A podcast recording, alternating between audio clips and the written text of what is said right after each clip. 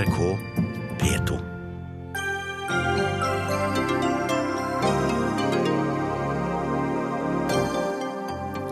Regjeringen har satt fyr på Fagforenings-Norge ved å gjøre det enklere å ansette folk midlertidig.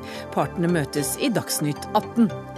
Snart kan du reise til utlandet og få sykehusbehandling på den norske stats regning. Er det sugerør i statskassa, eller en gladnyhet for pasientene, spør vi. Og så går Per Sandberg til frontalangrep på SV. Det skal være enklere å være arbeidsledig, enklere å ha mange barn uten å jobbe, og enklere å få en bolig man ikke har råd til. Slik er SV, mener Sandberg, og møter SV-lederen.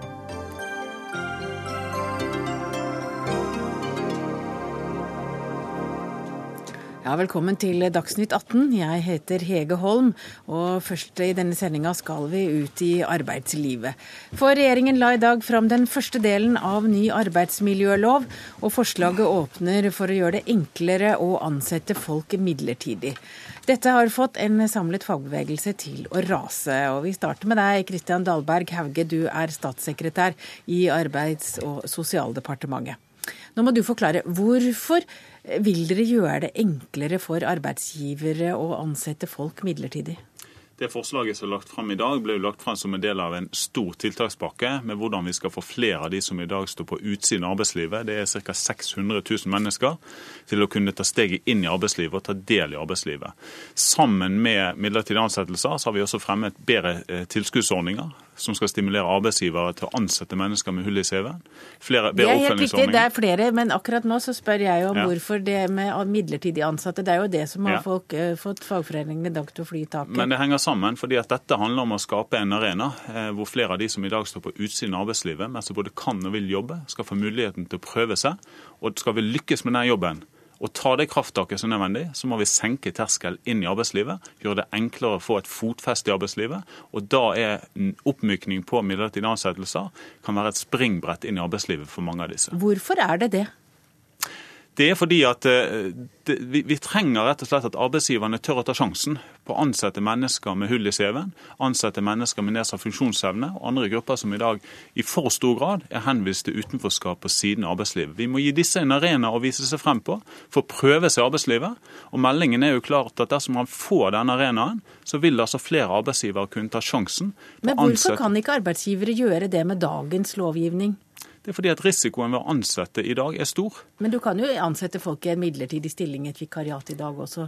Ja, det kan du, men den generelle adgangen handler om at vi skaper og målretter denne, dette til å være en arena hvor man får muligheten til å vise seg frem. Og så er det også viktig å si vi har lagt inn omfattende begrensninger på denne ordningen, med kvote, med karantenetid og begrensninger på arbeidstid, nettopp for å målrette dette til å være det springbrettet inn i arbeidslivet som vi vet at det er forskningsmessig dekning for å si. Dere mener jo at det skaper flere arbeidsplasser. Hvordan kan dere si det?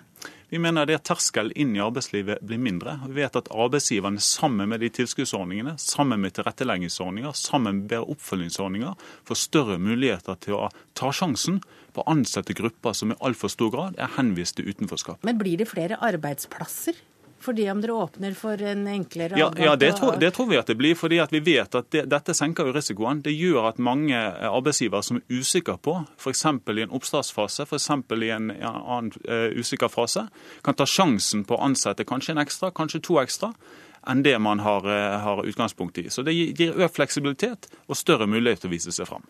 Vegard Einan, du er nestleder i Parat. Kort tid etter at Eriksson i dag la fram eh, dette forslaget, så varslet dere streik i flytrafikken én time på tirsdag. Hva er det dere reagerer på? Vi reagerer jo nettopp på at det regjeringa sier henger ikke sammen med virkeligheten. Eh, vi har erfart, eh, og da spesielt gjennom de gruppene som vi nå markerte for, de merker det daglig. Eh, de endringene som medfører Bare helt kort, hvem er det? Kabinansatte og piloter. Flygende innenfor internasjonal luftfart har i større grad blitt utsatt for internasjonal konkurranse. Det kommer inn enda større andel av innleid personale, midlertidig ansatte, som vi også, våre medlemmer, også kommer i direkte kontakt med. Vi jobber sammen med dem på samme fly. Og vi ser også at de preger konkurranseflater fra utenlandske selskap inn på det norske norske markedet.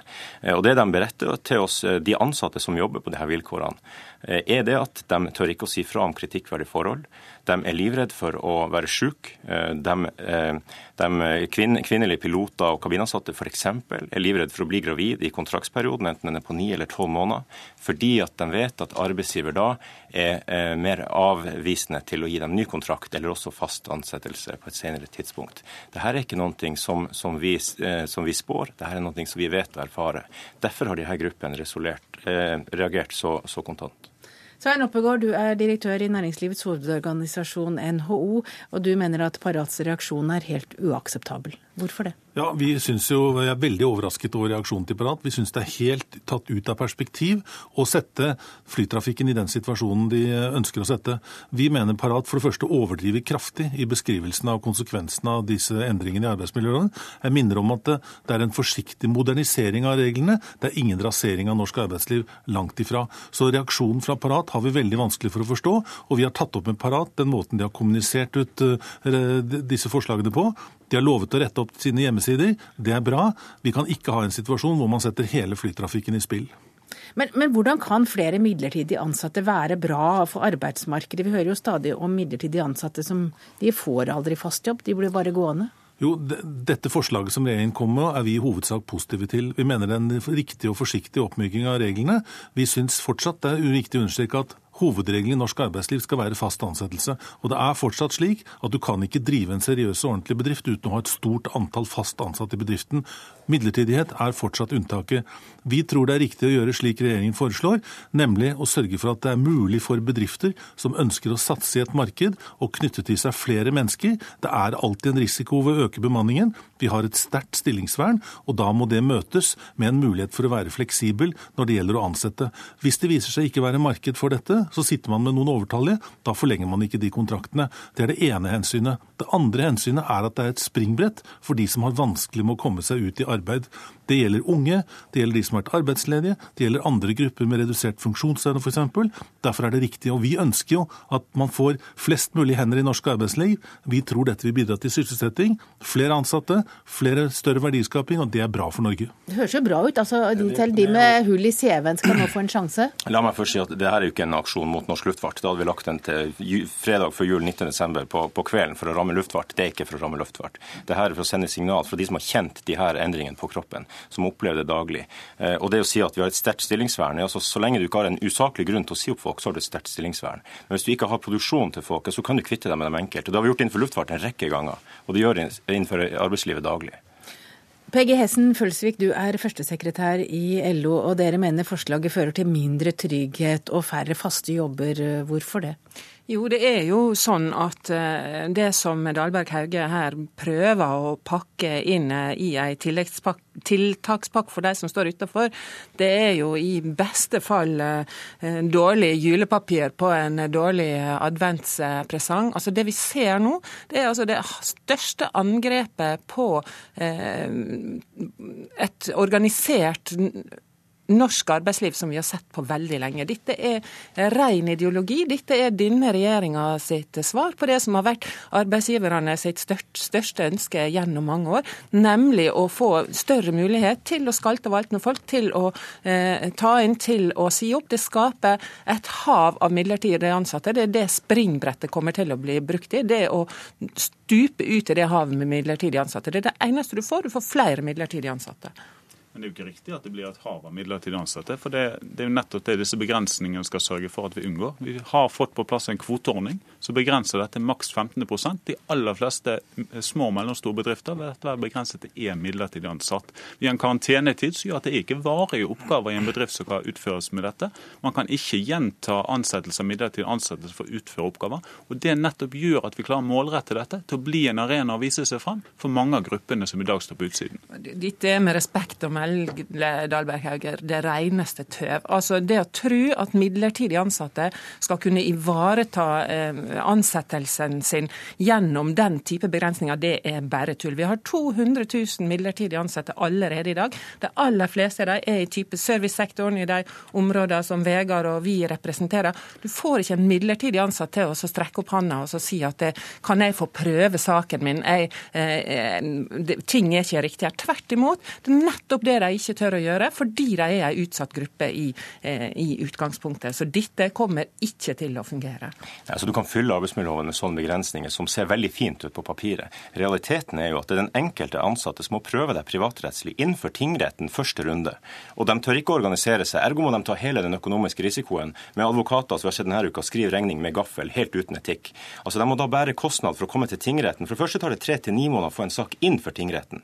Hva, da, hva, slags sak er det du tenker? Hvis du da ikke får fulgt opp de kriteriene som de legger opp som sier skal være sikringer, så høres så fint ut. Ja, hvis, hvis, du hvis, du ikke får lov å fortsette i kontrakten de leier den andre, så er det den enkelte ansatte som må følge den her opp privatrettslig innenfor tingretten. Det tar tre til ni måneder å få den opp i tingretten. Det er første av tre potensielle opp til Høyesterett. Og så skal den da som står uten fast jobb på en kontrakt som er avslutta, betale en halv million for det. Men... Ja, det er bare tull.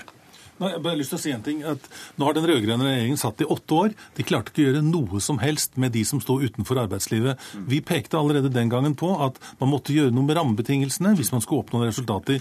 Det mener vi denne regjeringen nå har gjort. Vi har, derfor vi har ønsket forslag om midlertidighet velkommen. Men igjen, det er unntak i norsk arbeidsliv. Og jeg er enig med det som Einan sa, det er vanskelig å få oppsigelsessaker gjennomført i retten på kort tid. Det er jo nettopp derfor du skal ha den muligheten til midlertidig, hvis det ikke er marked i bedriften for det. og du har forsøkt, for det er jo de som står utenfor arbeidsmarkedet i dag, det er de man forsøker å hjelpe inn.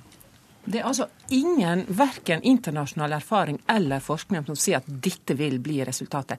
Det alle erfaringer sier, er at vi vil få flere midlertidig ansatte.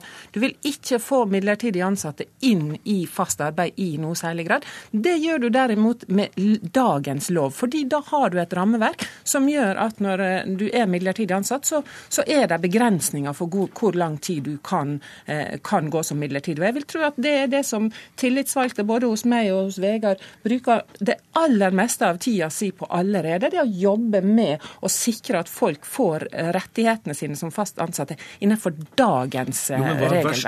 Verst, da, hva er verst eh, å være midlertidig eller å stå helt utenfor arbeidsmarkedet, ja, ikke komme i jobb? Det hjelper ikke det, vet du Svein, når det, disse tiltakene ikke fungerer. Jeg skjønner at du gjerne vil ha det sånn. Det høres ut som dette er et godt tiltak i førjulstida, men, men, det er ikke sånn det kommer til å fungere i praksis. Jeg oppfatter ikke som noen julegave, nei.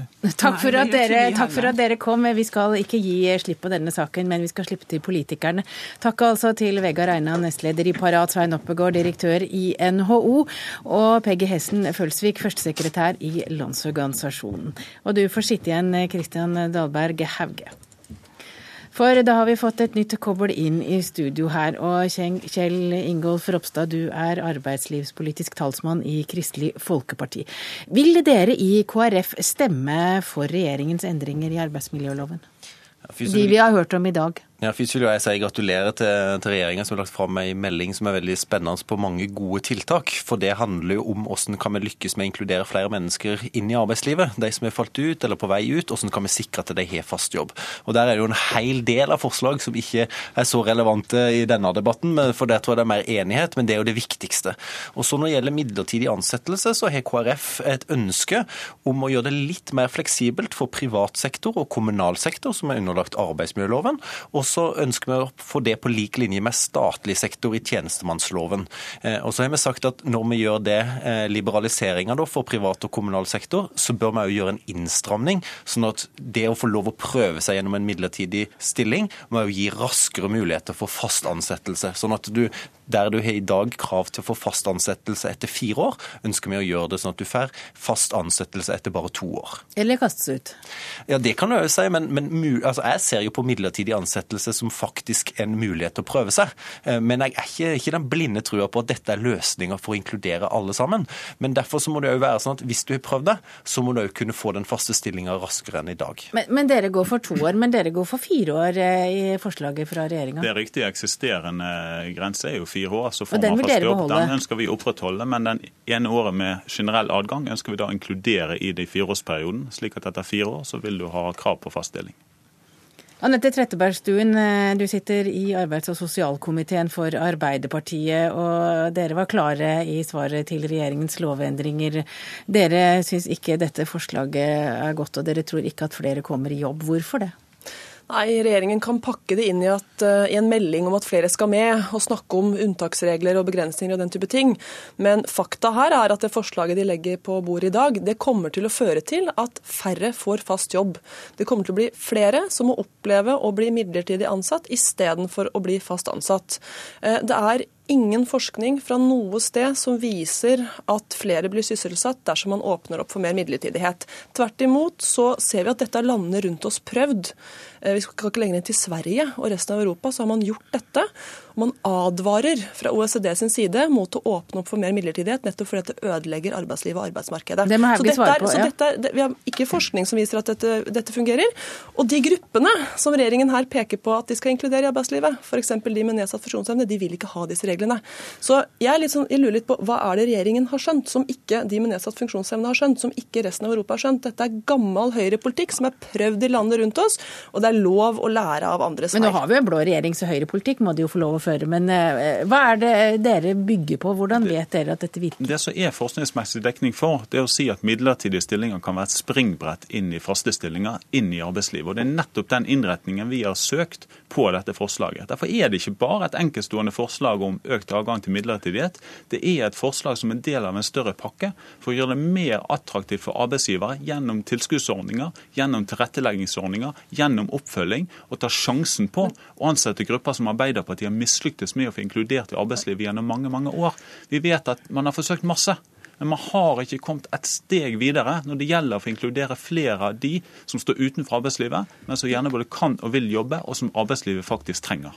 Vi, vi satsa mye vi, på tiltak for å inkludere flere. Gjennom, en, gjennom, en, gjennom, et tiltak som heter Jobbstrategien, som KrF eh, var med oss på. Med aktive tiltak for å støtte arbeidsgivere for å, å tilrettelegge sånn at folk med nedsatt funksjonshemmede skulle komme inn i arbeidslivet. Den garantien var nettopp det de gruppene her ønska seg og ville ha, og arbeidsgiverne sier at det er dette vi trenger. Det kan man fortsette å gjøre, og la den virke og styrke den. Men man trenger ikke samtidig å gi disse gruppene svakere eh, stillingsvern, slik man gjør gjennom å åpne opp for mer midlertidighet. Og Det er riktig at midlertidighet kan være et springbrett inn i arbeidslivet, men det er det i dag, nettopp fordi at vi regulerer det ganske sterkt. Det er ingen forskning som tyder på at dersom man åpner opp for en generell adgang, så blir det flere i fast jobb. Tvert imot, dette advarer landene rundt oss mot. Eh, arbeidstagersida er imot, mange arbeidsgivere er imot. Spekter, f.eks. De som organiserer de med nedsatt funksjonsevne, er imot. Og Arbeidstilsynet og Statens arbeidsmiljøinstitutt, Likestillingsdepartementet og likestillings, eh, Likestillingsdirektoratet er også imot. Så jeg lurer på hvorfor ikke regjeringen snart vil lytte. Dette fungerer ikke. Jeg mener jo at Det viktige som regjeringa gjør, er jo de grepene som er på inkluderingssiden. som Der jeg òg syns at vi ikke kommer langt nok på hvordan vi kan få arbeidsmarkedstiltakene, utdanning, det å få lov å prøve seg i jobb til å fungere enda bedre. At det blir kortere ventetid fra du faller ut til du kommer inn. Og Så har jo vi som sagt ønska òg å kunne ha noe eh, større adgang til å kunne ansette midlertidig. Men et av de store problemene når det gjelder midlertidig ansettelse, det er f.eks. innen høyskole, universitetssektor, helsesektor, der mange kan gå midlertidig over lang lang tid før de får den faste jobben. Og Derfor så mener jeg at du må se den muligheten her når vi snakker om å inkludere, om å gi de faste eh, For det er jo det vi ønsker alle sammen, å gi faste stillinger eh, til flest mulig. Eh, og Da tror jeg at midlertidig ansettelse kan være en vei inn, men det må kombineres med at du òg gjør det enklere eller raskere å kunne få den faste ansettelsen. og Det er, det er jo et av de forslagene som vi kommer til å ta inn. For jeg regner jo med at når saken nå kommer til Stortinget, så kan vi fire samarbeidspartier sette oss ned og prøve å finne en fornuftig løsning på hvordan vi Tror du at dere blir enige? Ja, vi har jo klart å løse vanskelige saker før, så jeg iallfall går inn i, i samtalene med regjeringspartiene med det for øye. Og, og har vårt utgangspunkt og med et klart uh, mål om å få en bedre politikk for å kunne inkludere enda flere mennesker i arbeid. Er dette egentlig et ideologisk eh, arbeid dere nå har lagt ned i den nye arbeidsmiljøloven? Nettopp det at stillingsvernet blir litt svekka? Det er lettere å ta inn midlertidig ansatte? Nei. Det er nye, helt nødvendige tiltak for at vi skal komme videre med å inkludere flere i arbeidslivet. For det er altså sånn at man har ikke lykkes. Jeg hører at Arbeiderpartiet sier at man har kommet opp med masse tiltak i sin periode i regjering. Det har man gjort, men det har ikke fungert godt nok. Derfor må vi sørge for nye krafttak, nettopp for å lykkes. Og Derfor sier jeg vi gjør ikke dette alene. Det er ikke kun et forslag i dag om økt adgang til midlertidige ansettelser. Det er en rekke andre forslag som i sum gjør at det blir mer attraktivt for arbeidsgiver å ta sjansen på grupper som i dag står på utsiden av arbeidslivet. Arbeiderpartiet vi skal støtte ethvert tiltak vi, som vil få flere inn i arbeid. Og Det, dere la, la fram i meldingen ellers, er jo videreføring av vår politikk. Men poenget er jo at når man åpner opp for svakere stillingsvern for disse gruppene, at flere skal gå midlertidig ansatt, så gjør man noe grunnleggende, eh, en grunnleggende forverring av arbeidsmarkedet. Og som sagt, det er ingen ingen som organiserer arbeidstakerne som ønsker dette her. Ingen som organiserer de med nedsatt funksjonsevne som ønsker dette her. Tvert imot så peker også Arbeidstilsynet, altså statens egne eh, tilsynsorganer, på at dette kan føre til at arbeidet mot arbeidslivskriminalitet blir verre. Og man advarer mot det. Så dette er rett og slett bare gamle ideer og gamle løsninger som Høyre nå eh, og Frp får, får muligheten til å gjennomføre, og som går på tvers av alt det forskning og alt det de gruppene som Men dere får lite støtte i dag. Trettebergstuen har jo rett i at det har vært Mailboksen vår er i dag full av protester fra alle parter. Mm. Altså, Vi har tro på at dette er tiltak som vil fungere, sammen med resten av det vi har lagt frem med denne meldingen. nettopp fordi at det er nye tiltak. Men hvorfor tror ikke de tiltak. gruppene som dere da retter de tiltakene jo, altså, vi, vi, vet at det er mange grupper som støtter det vi gjør i dag, nettopp fordi at de ønsker å få en arena å vise seg frem på. Eh, vi er klar over det at det også er mange ulike meninger om dette, men vi gjør det fordi vi har tro på det. Og dette er et område vi er helt nødt til å komme frem med nye tiltak, med målrettede tiltak. For vi har ikke råd til at så mange står på utsiden av arbeidslivet med en arbeidsevne ønske om å ta del, uten å få lov å slippe inn. Og Da må vi gjøre noe med den barrieren som i dag har hindret mange til inn i arbeidslivet. Hvis det slipper flere til som, eh, som, altså som, arbeidsgivere ellers ikke hadde turt å satse på, så er jo det positivt. Ja, Hvis det hadde vært slik, så, så hadde det jo vært greit. Men, men, det er jo ikke slik. All erfaring viser jo at det er det motsatte som skjer. Man får, eh, man får svakere stillingsvern, flere får midlertidig jobb istedenfor fast jobb. Det skaper utrygg hverdag for flere, og forskningen eh, viser at det ikke fungerer. Og de som man har skal hjelpe, vil ikke ha det. Nå høres det ut som alle argumenter er lufta hvert fall én gang her i studio, så vi kommer ikke lenger i den debatten i kveld. Takk for at dere kom til Dagsnytt 18. Kristian Dahlberg Hauge, statssekretær i Arbeids- og sosialdepartementet. Anette Trettebergstuen, stortingsrepresentant for Arbeiderpartiet, og Kjell Ingolf Ropstad, arbeidslivspolitisk talsmann i KrF.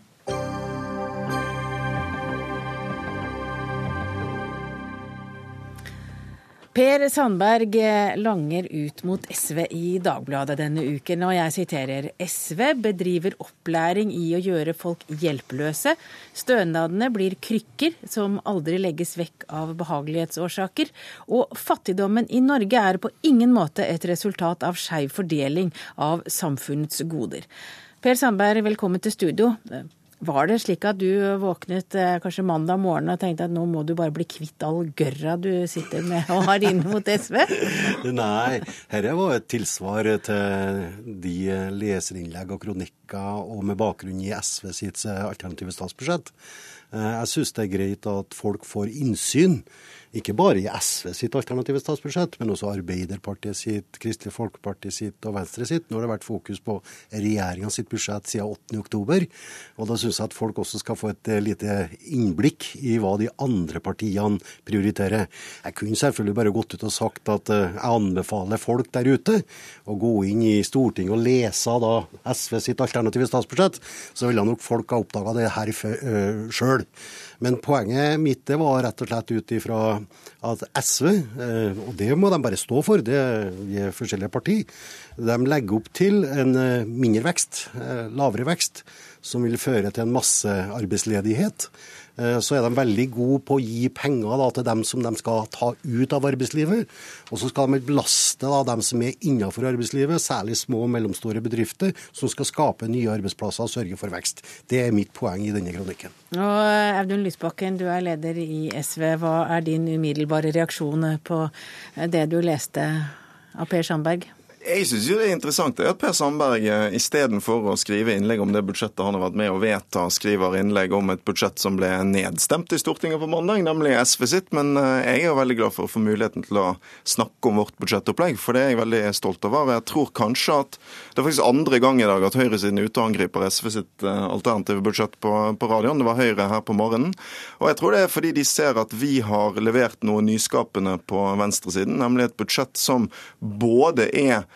mer rettferdig og mer, mer miljøvennlig enn høyresiden sitt, men som samtidig er et budsjett som gir folk med middels og lavere inntekter større skatteletter enn Fremskrittspartiet sitt, og som er mer næringsvennlig enn regjeringen sitt eh, budsjett. Eh, det liker ikke høyresiden, og da angriper de oss, og jeg er klar til å forsvare oss. Litt interessant det der, for jeg har selv gått inn i tabellen til, til SV. Eh, og jeg har funnet ut at SV gir nå da 27 ganger mer skattelette til den som tjener mer enn den som tjener minst. Og Det argumentet har jeg hørt fra SV tidligere. En som tjener under 150 000, han får altså 100 kroner i skattelette fra SV.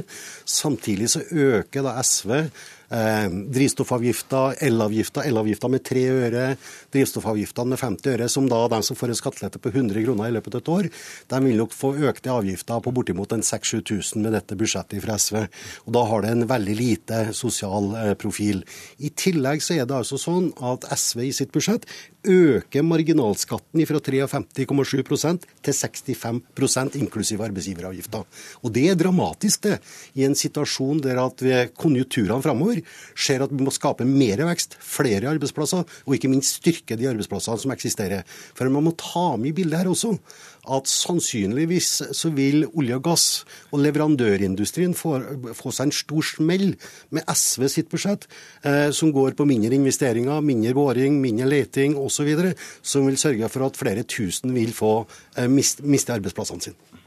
Her var det en del, det var, tull, ja, det var en del tull med tallene, fordi uh, alle kan se på fordeling.no ligger uh, fordelingstabellene for SV sitt budsjett, som viser at folk med, med lave inntekter, midlere inntekter, får mer skattelette med SV sitt budsjett enn med det opplegget Fremskrittspartiet har, har levert. I tillegg så ønsker vi å gjøre en del viktige tjenester billigere, f.eks. barnehager, f.eks. tannhelsekontroll for eldre og en del andre utsatte grupper, og vi øker barnetrygden. Så er det riktig at vi øker en del miljøavgifter. Fordi vi mener at det skal eh, være sånn at du kan tjene penger på å velge mer miljøvennlig. Derfor senker vi også avgifter f.eks. på miljøvennlige biler, andre typer eh, innkjøp, oppførsel som er miljøvennlig. Men det interessante er jo at de fordelingstabellene som Per Sandberg finner i vårt budsjett, de er jo regnet i forhold til det budsjettet han sjøl har vært med å legge fram. Eh, og der de altså har kombinert totalt ubetydelige skatteletter for vanlige folk med betydelige økninger i meningsløse avgifter. F.eks. den berømte Frp-poseavgiften som folk nå skal plages med, og som vi er mot. Eh, og så er det eh, det påfallende ikke sant, med, med, regjeringens opplegg er at etter mange år med slagordet 'for folk flest', så er jo Fremskrittspartiet nå avslørt som en gedigen markedsføringsbløff. For de store pengene i regjeringens budsjett går til de som har mest fra før. Mens de store pengene i vårt budsjett går til helt andre formål. Vi omfordeler fra de som har mest, til folk med vanlige inntekter og de som har minst. Og vi omfordeler fra privat forbruk til fellesskapet, sånn at vi kan gjøre det viktigste først. Altså, det er jo bare SV som kan si det at en økning i skatter og avgifter på mellom 14 og 20 milliarder er ubetydelig. Men det er klart at folk vil bli ramma veldig sterkt. for Det er vanskelig å se også ut ifra hvorvidt det er 14 milliarder eller 20 milliarder. For det er en rekke av de forslagene som SV har i sitt alternative statsbudsjett, som rett og slett ikke kan gjennomføres i 2015. Som må flyttes til 2016 f.eks.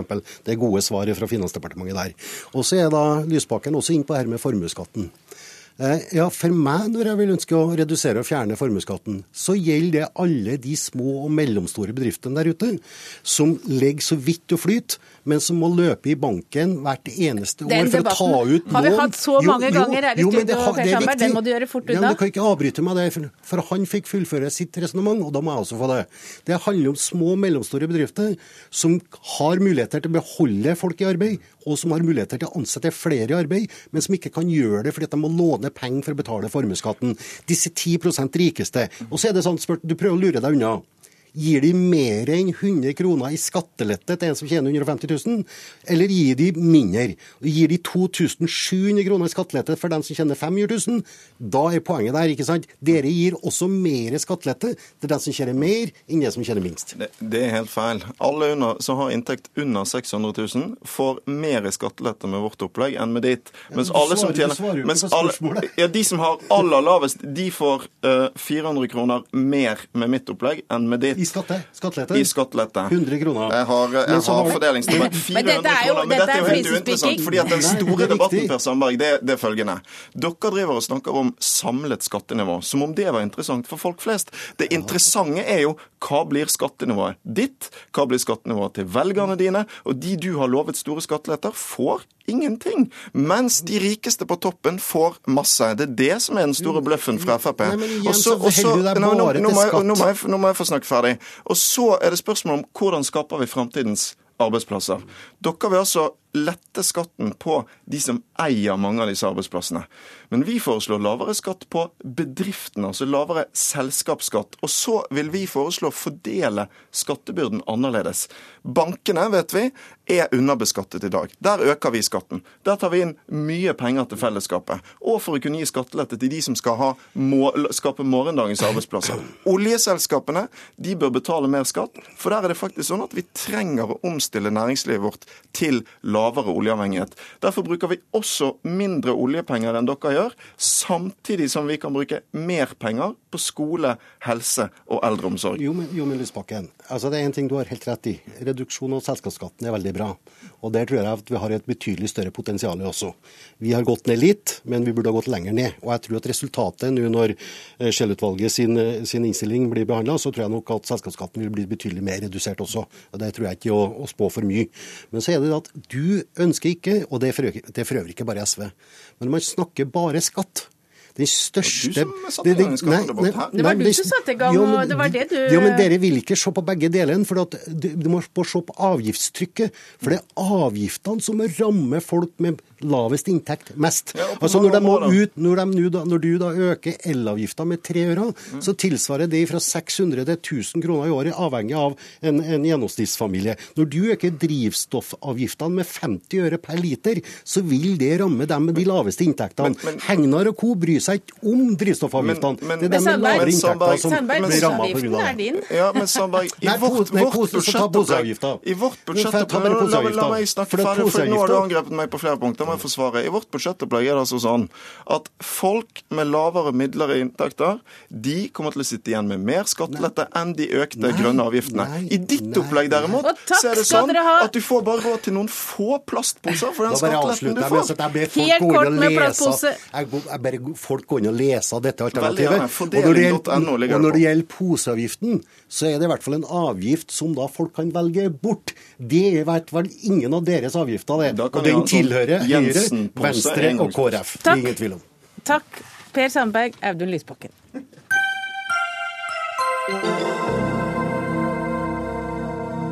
Og da blir Audun Lysbakken han får sitte her fortsatt, og inn får vi et nytt panel, for nå skal vi snakke om eh, sykehusvalg.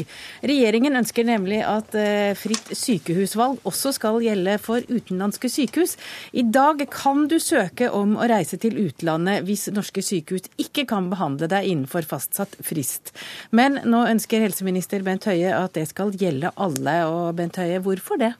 Det er jo for at vi nå innfører EU eh, e sitt pasientdirektiv, og det gir pasienter i Norge samme rettigheten som pasientene i Europa, nemlig muligheten til å velge å få sykehusbehandling i et eh, annet EU-land. Eh, e og Jeg oppfatter jo at det er bred tilslutning til å innføre direktivet. Det som det er uenighet om, det er at de rød-grønne partiene ønsker å stikke byråkratiske kjepper i hjulene for pasientene gjennom å kreve en forhåndsgodkjenning Eh, som ikke han, kan, jeg kan se har noe annet motiv enn å hindre pasienter til å få innfridd eh, sine rettigheter. Ja, For det må du ha i dag, men det vil dere fjerne? Eh, det må, du, det må, du, ha. I dag må du ha en helt annen, mye mer tungvint søknadsprosess uansett, så dette er en helt ny ordning.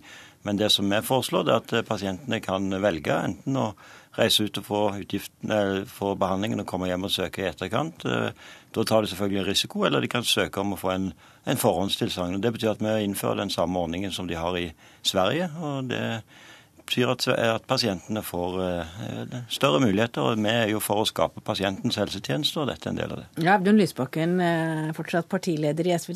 Dette høres jo veldig fornuftig ut. Hvorfor sier dere ikke bare ja takk?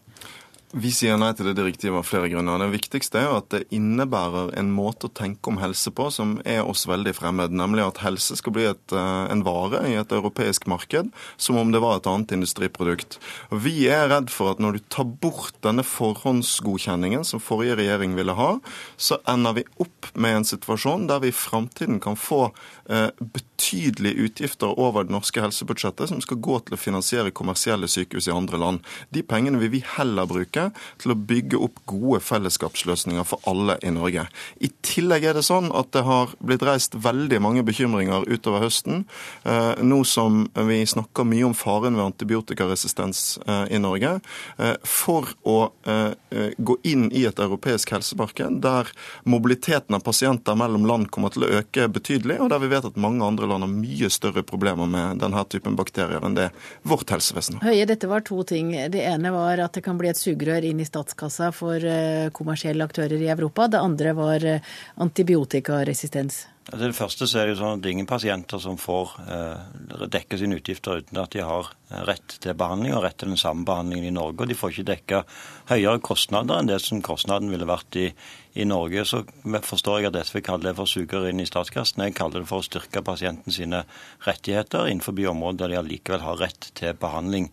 Og Dette vil være eh, ikke snakk om mange pasienter. Det ser vi òg i erfaringen fra Sverige, som har hatt den ordningen i flere år. Der er det 5500 som benytter seg av denne ordningen eh, årlig, og en del av de òg innenfor primærhelsetjenesten, der vi òg har samme muligheten i Norge allerede i dag.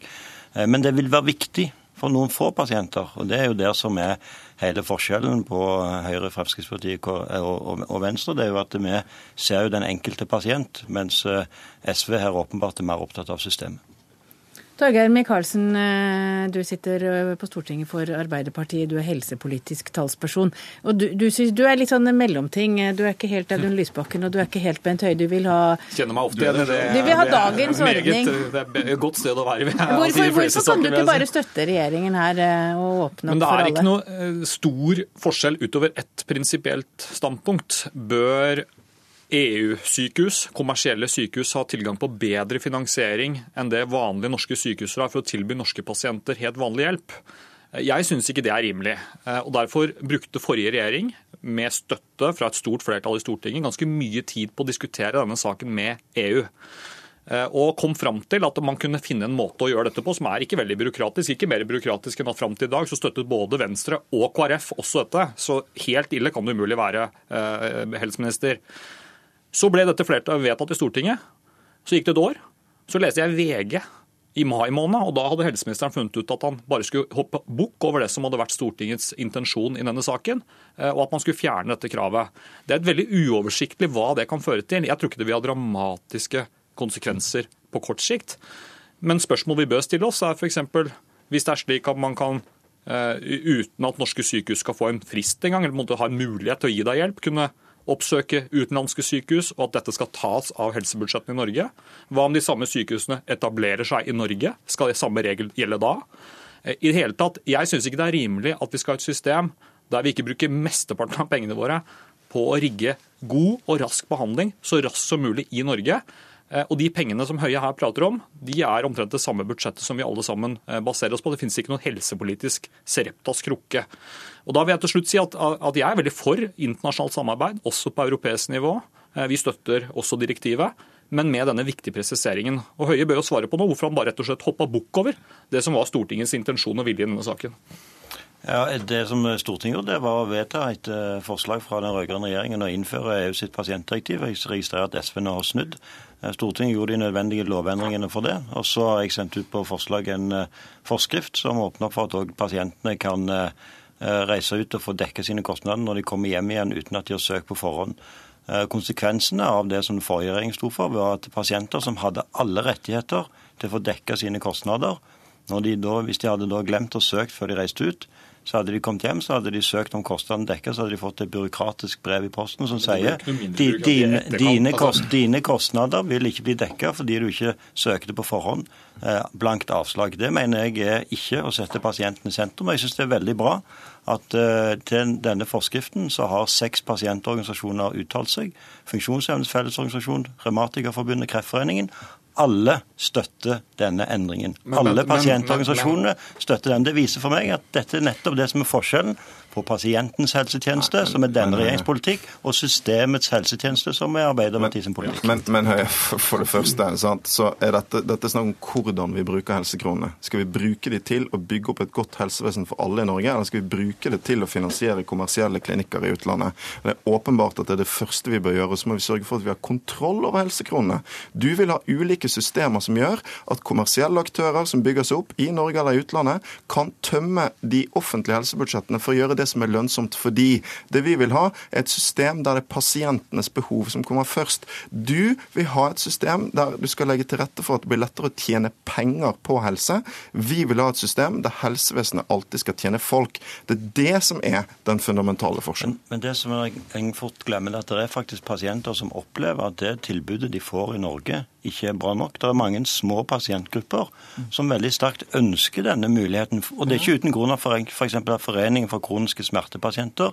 Er noen av de som har sendt inn høringsutkast for dette, er veldig glad for den endringen som, eh, som jeg her har foreslått å, å gjøre. For det er noen pasienter som faktisk har kun ett fagmiljø i Norge å forholde seg til, som gjerne ville hatt en second opinion og en mulighet eh, i EU uten en... å møte de byråkratiske hindringene som Ap og SV har foreslått. Og vi har en fjerdemann i studio som også må få lov å si sitt. Eh, Kjetil Kjenseth, du er stortingsrepresentant for Venstre. og Da helse- og omsorgskomiteen behandlet dette temaet i går, så var jo Venstre enig med Arbeiderpartiet, og det lå jo an til at regjeringen skulle gå på en smell her og ikke få, det, ikke få flertall. Men, eh, men, nå har du ombestemt deg. Hva er det som har skjedd?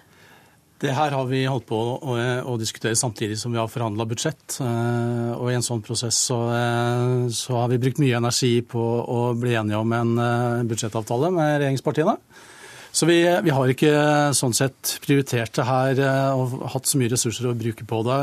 Og så har vi gått en runde nå i de siste dagene på det her. Eh, og eh, kommet til at, eh, og fått også en forsikring om at, at det her er til pasientens beste, og det er det viktigste for oss. Hva slags forsikring er det dere har fått? Eh, vi har vært eh, også, som, eh, som Arbeiderpartiet og SV, bekymra for kostnadsveksten som dette her kan føre til. Men når vi har gått noen runder med Bent Høie, så er jeg forsikra om at det her gjelder ikke veldig mange pasienter. Og vi har også sett på det vi sjøl f.eks. la inn i budsjettet i fjor i forhold til fritt sykehusvalg. Det er ikke mange pasienter i Norge som benytter seg av fritt sykehusvalg. Og sånn sett så har vi bygd et lite kringvern rundt norske helseforetak som holder på pasientene. Og det her gir en mulighet, for de, særlig for de som trenger valgmuligheten, der vi har små, sårbare kompetansemiljøer i Norge. Men Blir dette her et tilbud til de ressurssterke som klarer å finne ut de unge? Nei, det gjør det ikke nødvendigvis. For det her åpner jo for at du ikke er avhengig av lommeboka uh, for å velge utlandet. Uh, og for mange som faktisk står flere år vente, på venteliste i Norge, så åpner det her muligheten uten at du må ha lommebok for å finne fram til behandling i, i utlandet eller andre steder. Lysbakken, Det høres jo egentlig ut som at det er en bra ordning for pasientene, men, men kanskje for jeg, politikerne så har nei, det en del baksider eller ulemper? Jeg, jeg, kan forklare hvorfor SV har snudd siden sist. Fordi at Vi var for en implementering av dette direktivet som skulle gjøre det at hvis du Eh, hvis det var et viktig tilbud til en pasient du ikke kunne få i Norge, så skulle, så skulle du kunne få det i et annet europeisk land og få dekket det eh, gjennom refusjon fra det norske helsevesenet. Det som er Problemet med Bent Høie sitt forslag, er at han har tatt bort den godkjenningsordningen som gjorde at vi kunne sikre at ordningen ble brukt til det. Nå er det ingen sånn sikkerhetsventil. Nå kan du like gjerne bruke den til å gjøre ting som vi kan gjøre i det norske helsevesenet. Det er, og det er meningsløst. Men så er det sånn at men så, men så er det sånn Bent Høie, nå, snakker jeg. Nå snakker jeg. Så er det sånn at også regjeringen har jo eh, overfor komiteen pekt på at det er fare for at det vil bli en diskusjon eh, i EU etter hvert om det forslaget den rød-grønne regjeringen kom med, faktisk lar seg forene med EØS-reglene. Det har vi blitt såpass bekymret for at vi vil stemme sekundært for Arbeiderpartiet sitt forslag. Vi mener, vi mener det er tryggest å avvise hele direktivet for at ikke vi skal bli dratt inn i det som blir en økende kommersialiseringsspiral i det europeiske helsevesenet. Da skal du få en helt kort replikk til slutt. Ja, altså Den beskrivelsen av EU eh, sitt pasientdirektiv som Lysbakken gjør, er feil. altså Han vet utmerket godt at det direktivet han selv stemte for, og hans eget parti gikk inn for, ikke kunne nekte norske pasienter å reise ut for sykehusbehandling. Så lenge de kunne få den sykehusbehandlingen i Norge, så kan de få det dekka i EU. Sånt gjelder direktivet. og SV, ja, Men de kunne ikke nekte nei, men med bak... Jo, men ikke ditt, nei. Men, men beskrivelsen som Lysbakken ga, at de kun skulle godkjenne små pasientgrupper, er feil. Ja, det, det hadde ikke vært mulig. Det hadde ikke stått seg. Det er enig med deg, men vårt forslag er mye bedre og hadde flertall fram til i går. Men jeg registrerer at Venstre har, Venstre har Takk for at dere kom i studio denne fredags ettermiddagen. Bent Høie, Torgeir Micaelsen, Audun Lysbakken og Kjetil Kjenseth. Hør Dagsnytt 18 når du vil. Radio NRK Radio.nrk.no.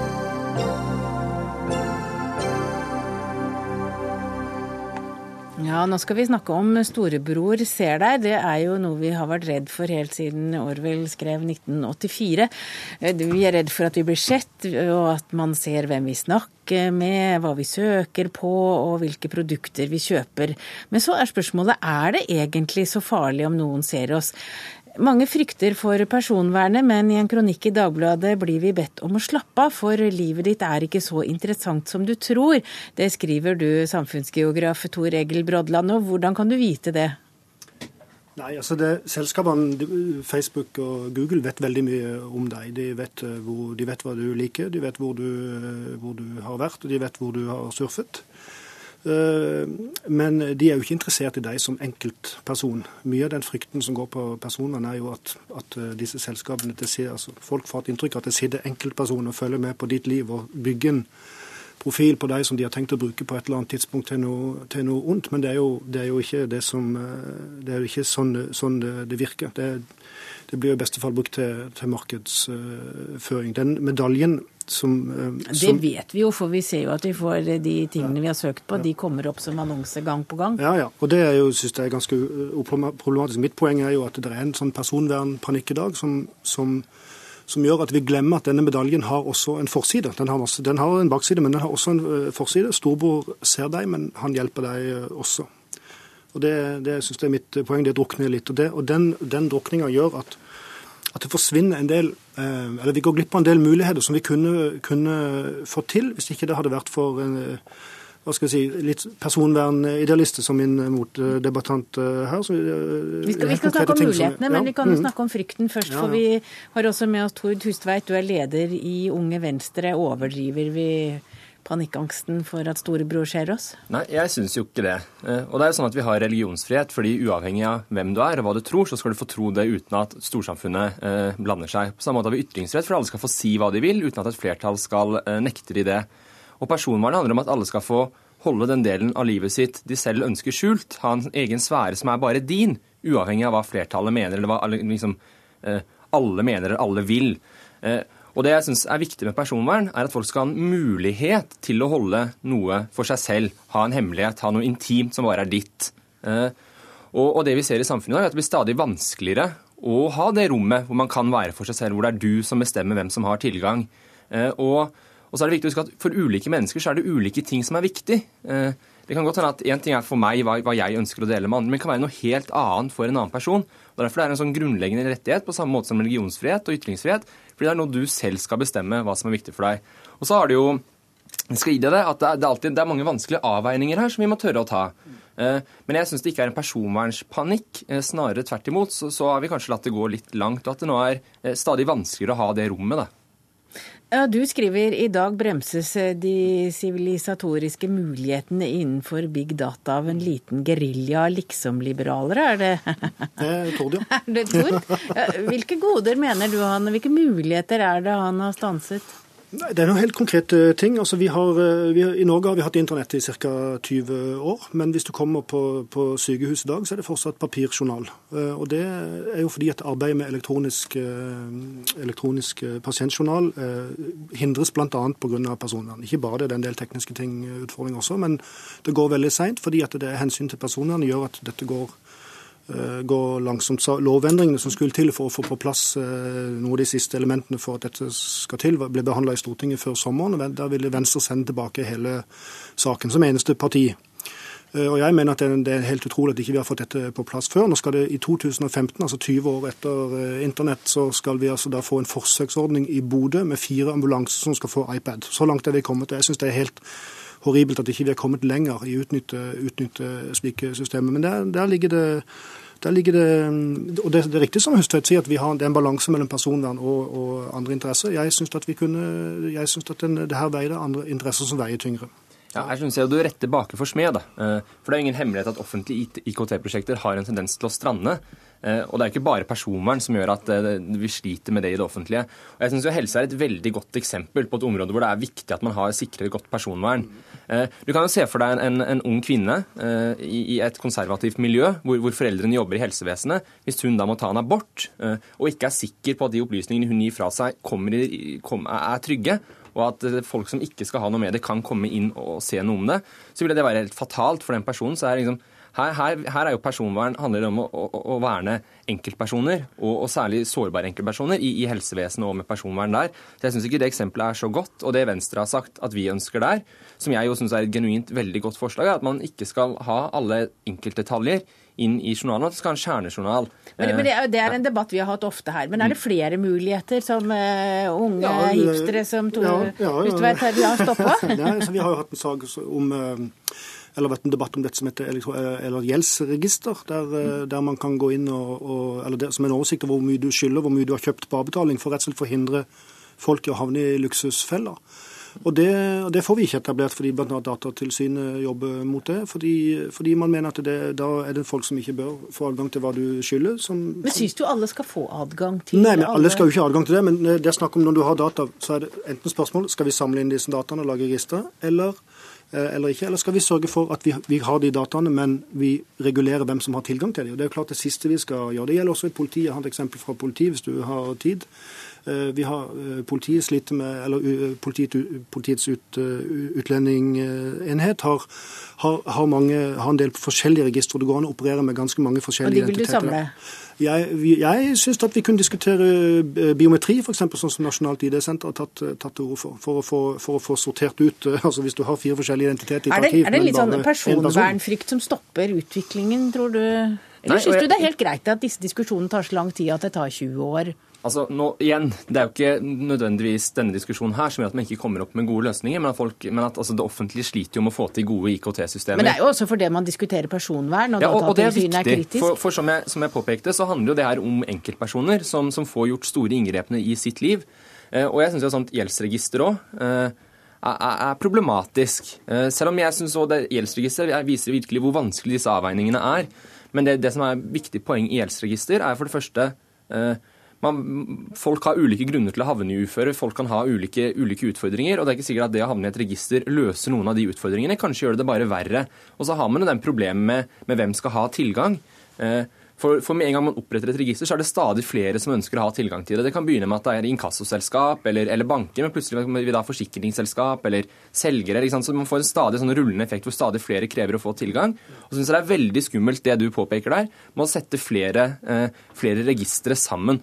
Og vi har jo sett nå, nå i går så gikk eh, Stortingets eh, kommunalkomiteen inn for eh, at man skal begynne å overvåke asylsøkere. Eller man fjerner taushetsplikten for ansatte på asylmottak, som jo også er et grovt brudd på personvern som jeg tror ikke hadde vært mulig tidligere. Men det er kanskje viktig å ta disse diskusjonene, og kanskje det er bra at Brodland går i spissen og sier vi må ikke være så opptatt av personvern, for det er ikke så mange som sier det samme som deg.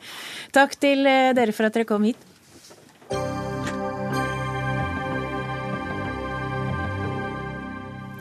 Flere bør bli vurdert for fedmeoperasjon på statens regning. Det mener Norsk forening for fedmekirurgi, som altså vil slippe til pasienter som har en kroppsmasseindeks eller body mass index, BMI, som ligger under dagens krav på 35, altså sykelig overvekt. I dag opereres 3000 årlig for fedme. Og Carl Fredrik Skau, du er overlege ved privatklinikken Tess Colosseum.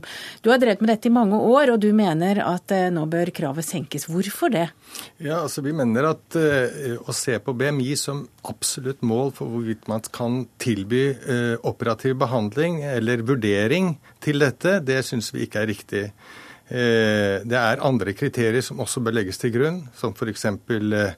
vektutvikling, eh, fedmefordeling, tilleggssykdommer osv. Så, videre. så du mener at folk som har en kroppsmasseindeks som er lavere enn 35, de bør utredes individuelt? Ja, det er helt riktig. Men det er ikke du enig i, Gøran Hjelmseth. Du er indremedisiner og overlege ved sykehuset i Vestfold. Hvorfor er ikke det greit? Ja, jeg leder Senter for sykelig overvekt i Helse Sør-Øst ved Sykehuset i Vestfold, og så er jeg professor ved Universitetet i Oslo. Eh, jo, jeg er enig i at man alltid skal gjøre en individuell vurdering, men eh, det er veldig kritisk hvis det gjøres eh, en individuell vurdering på alle som eh, henvender seg, eller som via markedsføring ønsker seg fedmekirurgi. Da kan man operere folk som absolutt ikke bør opereres. Og det kan medføre alvorlige konsekvenser. Hvorfor det? Hvorfor vil man operere folk som eh, ikke bør opereres? Nei, altså I det offentlige helsevesenet og ifølge internasjonale retningslinjer så skal man være ytterst forsiktig med å gi eh, fedmeoperasjon eller utføre fedmeoperasjon på personer som har en BMI under 35. og Årsaken til det er at det foreligger ingen vitenskapelig eller veldig liten grad av vitenskapelig bevis for at det er til nytte for den som eventuelt blir operert. Eh, og Det som vi derimot vet, er at det kan gi skade og det kan gi alvorlige bivirkninger. Og Jeg er redd for at f.eks. unge mennesker som er litt eh, fete, som har en BMI på 31, lar seg friste av tilbudene til, eh, til markedsaktører, som da gjerne opererer de. Og Det er det jeg er bekymret for, ikke for at man vurderer, for man kan alltid vurdere. Ja, jeg, altså, Dere driver jo ganske aggressiv markedsføring. Jeg ser jo stadig På min Facebook-side så kommer det stadig opp eh, historier om folk som har blitt slanke og lekre etter operasjon. Nå er kanskje jeg målgruppa, og derfor får jeg det. Men eh, hvis jeg da hadde kanskje vært yngre og, og svakere, så ville jeg vurdert det. I hvert fall hvis jeg fikk det på statens regning. Eh, altså, Denne diskusjonen dreier seg jo egentlig om hva det offentlige kan tilby. Altså, eh, I dag så er det jo slik at pasienter som ligger under eh, de kravene som det offentlige har, de får ikke noen vurdering i det hele tatt i det offentlige. Det er ikke egentlig snakk om at eh, det private skal operere pasienter med lavere BMI. Det er snakk om at pasienter som har BMI som kanskje ligger under 35, men som har alvorlige tilleggssykdommer, faktisk ikke får noe tilbud om behandling. Det er altså ikke snakk om at det private skal operere flere pasienter med lav BMI. Ja, Kommer de til deg de da og ber om hjelp fordi det offentlige ikke vil hjelpe dem? Vel, absolutt. En gruppe av de pasientene vi opererer, har BMI som faller akkurat under det det offentlige kan tilby. Det offentlige svarer at nei, de blir, i, de blir, i, prinsipp lagt i den kurven som ikke får innkalling. Avvist henvisning. Hjelmeset, er det riktig at eh, ikke dere ser individuelt på pasienter som kommer til dere? og er, sliter med overvekt? Det er både riktig og ikke riktig. Eh, fordi vi forholder oss jo til retningslinjene i hovedsak. Så de fleste som har en BMI under 35 får ikke et tilbud om fedmekirurgi hos oss. Men samtidig så har vi tilbud til alle som har fedme ved de lokale helseforetakene, f.eks. ved vår lokale overvekstpolitikk. Og da vil vi kunne gjøre den individuelle vurderingen av de eh, veldig få som eventuelt ville kunne få tilbud om fedmekirurgi, selv om de har en BMI under 35. For retningslinjer er ikke ikke lovpålagte, slik at man må følge dem. Hvis man kan ha gode argumenter for å operere noen med BMI under 35, så kan også vi gjøre det. Men det bør være unntaket og ikke regelen, og det står også veldig klart i de nye retningslinjene fra England, f.eks. fra NICE. Men, men, du sier til Dagens Medisin og VG at du mistenker de kommersielle aktørene, som skal på den andre siden av bordet for meg, for å presse på for å endre grensen for å tjene penger? Ja, jeg sier kanskje ikke at jeg mistenker det, men jeg sier jeg frykter det. Fordi, fordi, at eh, det er jo helt klart at det er legitimt å tjene penger i et eh, kapitalistisk samfunn. Men hvis man skal tjene penger på folk som ikke burde opereres, da blir det veldig galt. Og hvis du går inn på hjemmesidene til noen av disse kommersielle aktørene og skriver inn din BMI, så popper det plutselig, og den kanskje er 30,1, eh, så popper det opp et vindu som sier at de kan operere deg i løpet av en uke. Og Da er det veldig fristende for de som ikke vet hvilke bivirkninger man kan få av fedmekirurgi, å slå til. Og vi har sett noen av de unge menneskene som har gjort feil, og som angrer veldig etterpå. Ja, jeg kan jo ikke svare for hva alle andre private aktører måtte uh, ha av uh, kampanjer, uh, men jeg kan svare for hva vi gjør. Og det er et stort ansvar vi tar på oss når vi opererer en pasient. Og det gås grundig igjennom hvilke alternativer pasienten har, og hva risiko og gevinst betyr.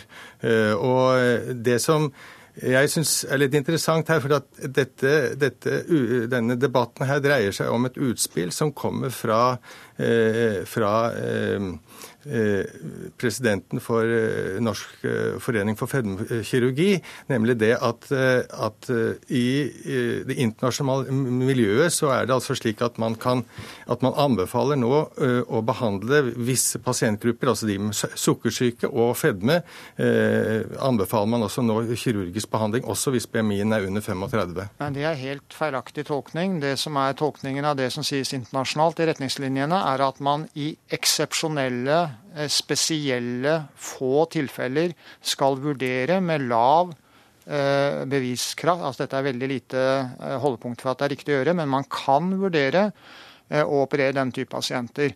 Og Det er denne misforståelsen som mange norske kirurger har, at de tolker Men, slike Gjøran, ting som at Gjøran, det er Hjelmseth, Den misforståelsen må vi gå inn i helgen med, for vår sending er dessverre slutt. Tiden er over. Takk for at dere kom til Dagsnytt 18. Vi takker for oss, og ansvarlig for denne sendingen var Alf Hartken. Det tekniske styrte Marianne Myrhol. Jeg heter Hege Holm og ønsker dere alle en riktig god helg.